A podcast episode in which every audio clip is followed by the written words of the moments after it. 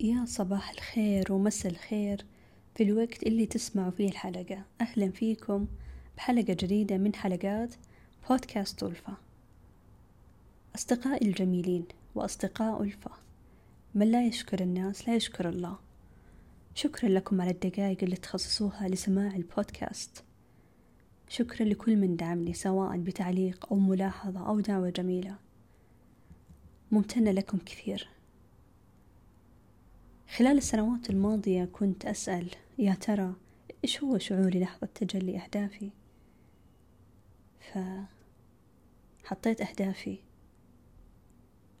نويت أنه تتحقق بكل يسر وسهولة ودعيت ربي وأحسنت الظن. فأكرمني الله بمهنة اللايف كوتش. شعور عظيم أنك تكون الجزء الآمن والمرآة الحقيقية في حياة الأشخاص. وبعدها بمدة تجلى بودكاست ألفا. المكان الحقيقي اللي يشبهني. صحيح لسه أعتبر في بداية المشوار ولكن يكفي أن عرفني على أشخاص مميزة عرفني حتى على نفسي. فالحمد لله من قبل ومن بعد. وأسأل الله أن يحقق كل ما نسعى له ويبارك لنا فيه. وحابة أقول لكم ولكل شخص يسمعني أنا أسعد عندما تطلبون مني المساعدة. في المجال النفسي أو الشخصي أو الأسري. فبتلاقون الإيميل مرفق لكم في الأسفل أو تتواصلون عبر حساب البودكاست على تويتر. لعل مع دخول الفصل الجميل وأجواء الشتاء الرائعة طالت مقدمة الحلقة لكن حبيت أنه أمتن لكم في آخر يومين من سنة عشرين اثنين وعشرين وأعطي أمل لكل محتاج ولكل من يسعى لتغيير أو خلق واقع يليق به. نبدأ حلقتنا اليوم. حلقة اليوم آه، موضوعها الحدود الشخصية أو رحلة بناء الحدود الشخصية.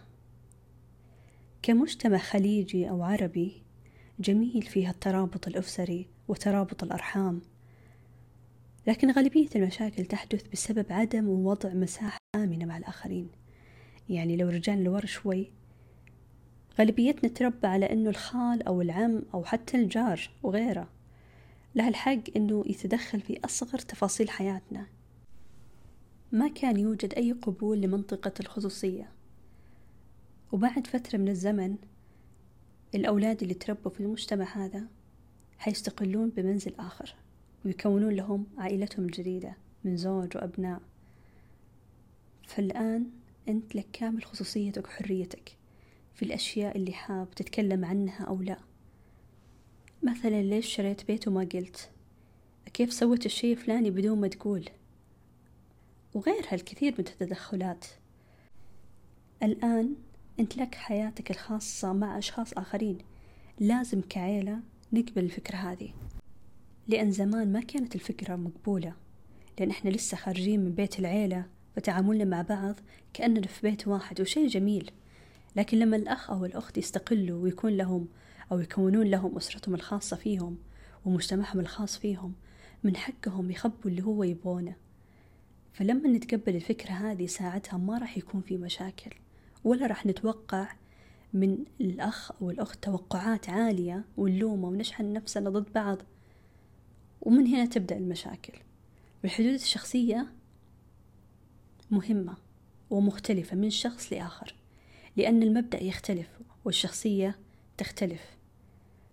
حتى الأخوان اللي تربوا في بيت واحد شخصياتهم تختلف. فلكل شخص دائرته الخاصة أو مساحة أو مساحة الآمنة وهو يحط قواعدها حتى تكون علاقته جيدة مع نفسه والآخرين. ولكن البعض عندهم بعض الأفكار اللي تعيقهم لرسم الحدود وهالشي لمسته في جلسات الكوتشنج إنه داخلهم أفكار تمنعهم من تطبيق الحدود الشخصية. هعطيكم مثال. لما أضع حدود لنفسي راح أكون شخص آه، قاسي بنظر الناس القريبة أو راح أخسر أشخاص في حياتي. كيف يعني؟ يعني مثلا لما يطلبون منا يروح مشوار وكان الوقت مو مناسب له وأعتذر الإنسان هذا حيجيه تأنيب ضمير طول اليوم. وحيخاف من إنه يمكن زعلته يمكن سويت كذا. لازم أراضيه. حيستمر على هذا المنوال ويكون متاح للجميع وفي كل وقت. وكل الناس لازم يراضيها. وهذا شيء خطأ لأنه راح يعيش للآخرين ولرغبات الآخرين وحيجيه شعور عدم الرضا. لأنه سمع كلام فلان وراح المكان ما يشبهه وأكل حاجة هو ما يتقبلها بس عشان يجامل فلان. فكل هذه التفاصيل اللي راح تتخزن داخله مع الوقت مشاعر عدم الرضا اللي تكونت داخله ممكن تتراكم وتؤدي لأمراض جسدية. وراح تخلي هذا الإنسان يسوي ردات فعل غير مدروسة على الأشخاص المقربة وعلى الحلقة الأضعف. وغالبا الأم لما تشعر بعدم الرضا راح تفرغ مشاعرها على أطفالها بالتعنيف وغيره. فالمطلوب منك تكتب إيش هي الأشياء اللي تمنعك من وضع حدودك الشخصية. والأشياء اللي تكتبها وحتطلع معاك هي المعتقدات الخاطئة. أنا هنا كتبت بعض مما لمسته من خلال تعاملي مع الناس ولكن أكيد في كثير معتقدات خاطئة. الآن نجي إلى السؤال المهم. كيف ممكن أبني حدودي الشخصية؟ أول نقطة وأهم نقطة إنك تعرف قيمتك الذاتية. يعني تعرف إيش الأشياء اللي تحبها إيش الأشياء اللي ما تحبها إيش الأشياء اللي تزعجك إيش الأشياء المسموحة عندك والغير مسموحة. يعني مثلا إذا أنت شخص ما تحب الناس تمزح معاك مزح ثقيل أو ما تحب تتكلم في مواضيع خاصة أو أي خطوط ما تحب الناس تتعداها. كل إنسان يختلف. لذلك أنا أعطي بشكل عام لأن كل شخص احتياجاته الخاصة مختلفة. ممكن نتشابه في أشياء لكن درجة الأشياء مختلفة. فأنا أفضل أنكم تستخدمون الكتابة على ورق أو بالجوال. سبحان الله الكتابة عظيمة ونعمة من ربي. ترتب أفكارك وتفهم نفسك أكثر. فنرجع للنقطة الثانية وهي معرفة قيمك. مثلا قيمة المال قيمة الحب قيمة العيلة قيمة الجمال قيمة الاحترام وغيرها الكثير القيم مرة كثيرة. لما هنا أنت تعرف إيش هي قيمك حتعرف تحدد الخطوط اللي لا يمكن للآخرين يتجاوزونها. هعطيكم مثال. إذا فهمت وعرفت إن قيمة الاحترام عندك عالية فأي شخص يتعامل معك بقلة تقدير أو زي ما نقول يمون عليك بزيادة فورا راح تكون عندك ردة فعل وردة الفعل حتكون مختلفة. بحسب قيمة الاحترام عندك لأنه ممكن في أشخاص قيمة الاحترام عندهم رقم ثلاثة رقم اثنين مثلا فيتعاملون بأريحية أكثر. مع مع المزح اللي بزيادة. وأشخاص مثلا قيمة العيلة عندهم رقم واحد. فأي شخص ممكن يضغط عليه تجاه أسرته تدخل من ضمن الحدود الشخصية عنده. فلا يمكن أحد يقدر يتجاوزها. النقطة اللي بعد معرفة القيم هي ترتيب الأولويات. ترتيب الأولويات تختلف من شخص لآخر.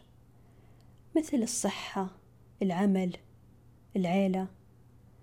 فمعرفة أولوياتنا هنا يسهل علينا آه كلمة لا. ولا هنا تحتاج منك تتعلم مهارة. مهارة الحزم والحسم. صح إنه ممكن في البداية بعض الأشخاص يحسون بخجل آه، مثلا لما صاحبتك تتصل عليك أو تعزمك على عشاء وأنت لك نظام مثلا ما تحبي تاكلي في الليل فهنا تقدرين تعتذرين بطريقة لبقة وقولي خليها غدا أو فطور. هنا أنت كنتي واضحة وبنفس الوقت حازمة وبنفس الوقت كنتي فاهمة نفسك وأولوياتك إن الصحة عندك رقم واحد. أو مثلا بعض الناس مثلا إنه نوم أطفالهم مهم بالنسبة لهم الساعة اللي ينام فيها الطفل فرضنا ينام الساعة ثمانية.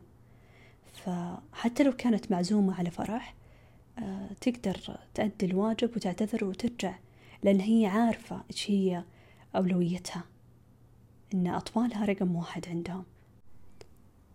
أحيانا يكون الشخص مو متعود على الأسلوب هذا فيحتاج منه يتدرج في البداية بس علشان يقدر يوصل اللي يبغاه وهو واثق وعارف إن هذا الشيء مناسب له.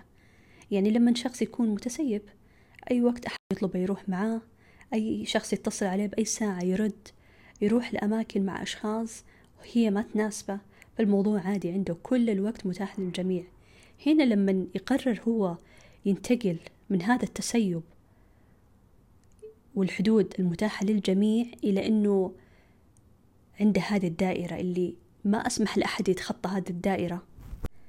هذه النقلة أو التغيير اللي حيحصل حتسوي صدمة للأشخاص وممكن يخسر ناس ويصير في خلافات بينهم وممكن النقلة هذه تسبب صدمة عند الشخص نفسه لأنه راح يشعر بتأنيب ضمير أو راح يكون زعلان طول الوقت. هذا مو أنا ولا هذه طريقتي.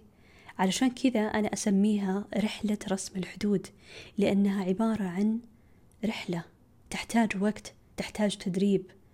لكن طالما أنت قررت ابدأ بالأشياء البسيطة. مع التدرج ومعرفة قيمك وأولوياتك ولما تكون حازم وحاسب بنفس الطريقة بطريقة لبقة مع الآخرين. حيوصل لهم بشكل واضح إن هذه هي حدودك اللي أنت رسمتها لك وما تسمح لهم إنهم يتجاوزونها.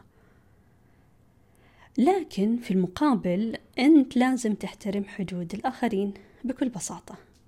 مثلا آه، جاء في بالك شخص في وقت متأخر في الليل ودك إنك تكلمه وتسمع صوته. ولكن حسيت إنه بوقت مو مناسب. لما يجي الوقت اليوم الثاني في الوقت المناسب أو لما تقابل هذا الإنسان قول والله طريت على بالي هذاك اليوم لكن شفت إنه الساعة متأخرة وقلت لا الوقت مو مناسب. وما اتصلت. هنا إيش؟ هنا اللي صار إنه بينت للشخص إنك أنت تحترم حدوده وخصوصيته وبنفس الوقت وصلت له. مسج بطريقة غير مباشرة باحترام وقتك واحترام خصوصيتك.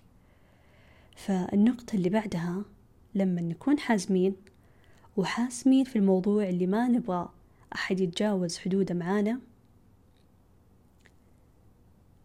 إنه إياكم والتبرير أو الاعتذار. ليش؟ لأن لما نقول اليوم مثلا آه أنا ما أقدر أطلع اليوم. أحد كلمني قلت له أنا ما أقدر أطلع معك لأن عندي كذا وكذا. بالعذر هذا وبالطريقة هذه راح توصل للطرف الثاني على أنه هذا الاعتذار فقط اليوم لأن عندي ظرف طارئ. لكن الاعتذار اللي أقصده هو الاعتذار المبالغ فيه والتبريرات المبالغة جدا.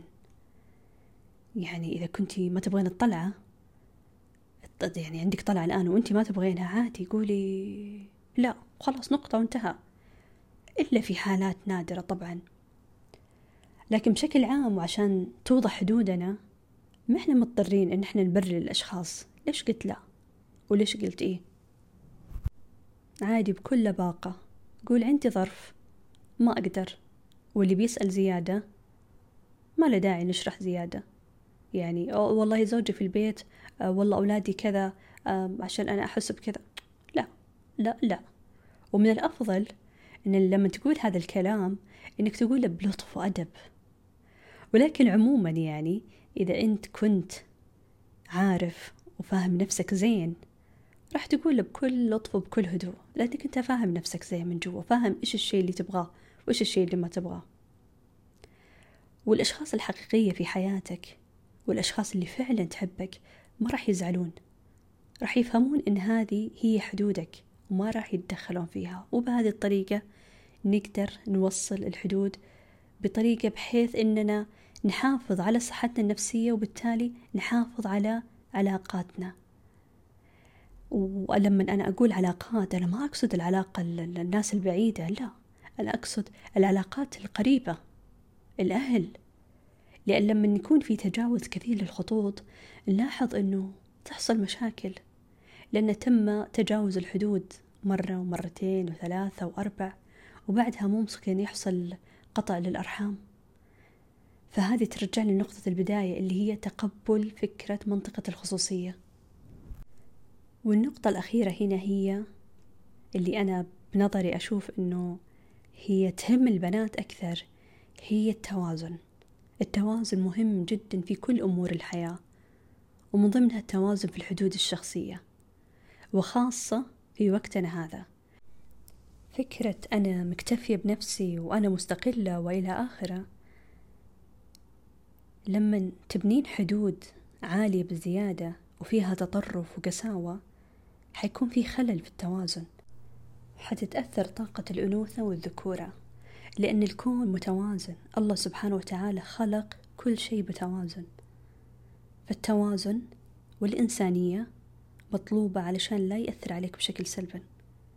لا تكوني متطرفة ويا لطيف وتبنين الحصن ولا تكونين متسيبة. خلي حدودك تكون واضحة. لك وللجميع تكون واضحة بحسم وليس بقساوة. وإلى هنا أكون انتهيت من حلقة اليوم. إذا حابين تشاركون الحلقة مع أشخاص آخرين أكون ممتنة لكم. ودمتم بود وراحة بال.